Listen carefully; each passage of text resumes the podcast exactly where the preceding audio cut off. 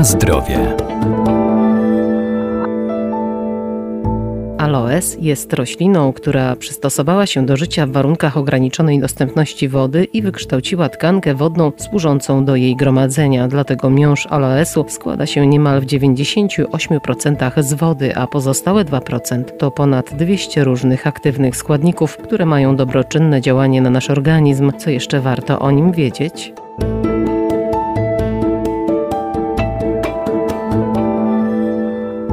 Dzięki bogatej zawartości wielu cennych składników rośliny zielarskie mają szerokie zastosowanie w medycynie ludowej czy w przemyśle kosmetycznym. Aloes ma soczyste liście, które są prawdziwą skarbnicą cennych dla naszego zdrowia substancji. Wśród roślin doniczkowych mamy również kilka rodzajów roślin, które posiadają również właściwości lecznicze. I chyba taką najbardziej znaną rośliną z grupy doniczkowych o właściwościach leczniczych jest aloes. Hubert Rdzewski, Ogród Botaniczny Uniwersytetu Marii Curie Skłodowskiej w Lublinie. Aloes to rodzaj e, sukulentycznych roślin obejmujących około 500 gatunków. Są to sukulenty o takiej rozecie liściowej. Brzegi liści są pokryte korzcami. We współczesnej medycynie najczęściej wykorzystywany jest aloes zwyczajny, aloe vera. I sok z tej rośliny, mm, jak wszyscy e, dobrze wiemy, przyspiesza chociażby gojenie ran. Ale sok z aloesu wchodzi również w skład różnych maści, które stosujemy przy pielęgnacji pielęgnacji skóry, przy pielęgnacji włosów. Sok ma właściwości przeciwzapalne, przeciwbakteryjne, nawilżające, poprawiające odporność organizmu i aloes może być stosowany również wewnętrznie, chociażby y, w postaci y, napojów y, pomagających w detoksykacji organizmu, a także wzmacniających układ odpornościowy. Sam aloes zwyczajny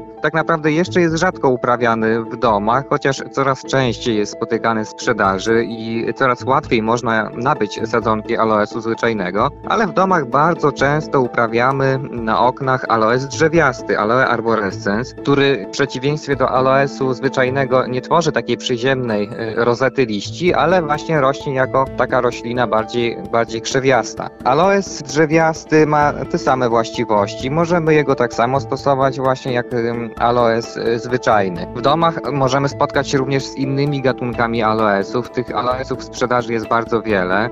Niestety nie wszystkie mają sprawdzone właściwości lecznicze, a wręcz niektóre mogą mieć y, właściwości nawet trujące. Także jeśli nie wiemy z jakim gatunkiem aloesu mamy do czynienia, lepiej jego nie stosujmy, a przy zakupie możemy chociażby upewnić się u sprzedawcy jaki jest to konkretnie gatunek i sprawdzić czy y, jest to leczniczy aloes czy też nie.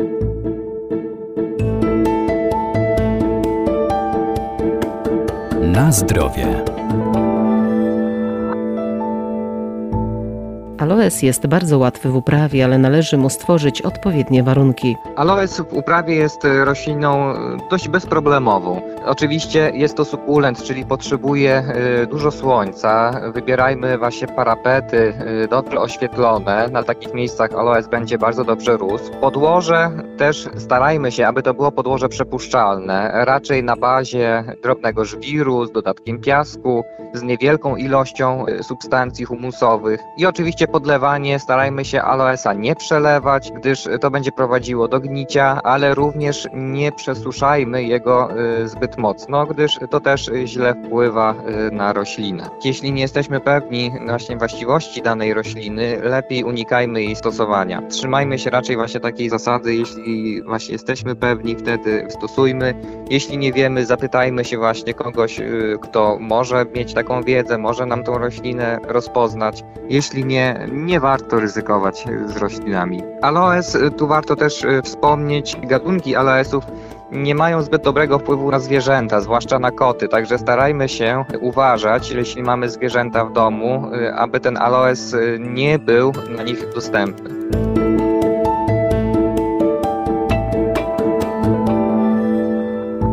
Warto więc sięgać po rośliny zielarskie, ale pamiętajmy, że należy je stosować z umiarem, zwłaszcza jeżeli są używane w celach leczniczych. Najlepiej ich zastosowanie i dawkowanie skonsultować z lekarzem.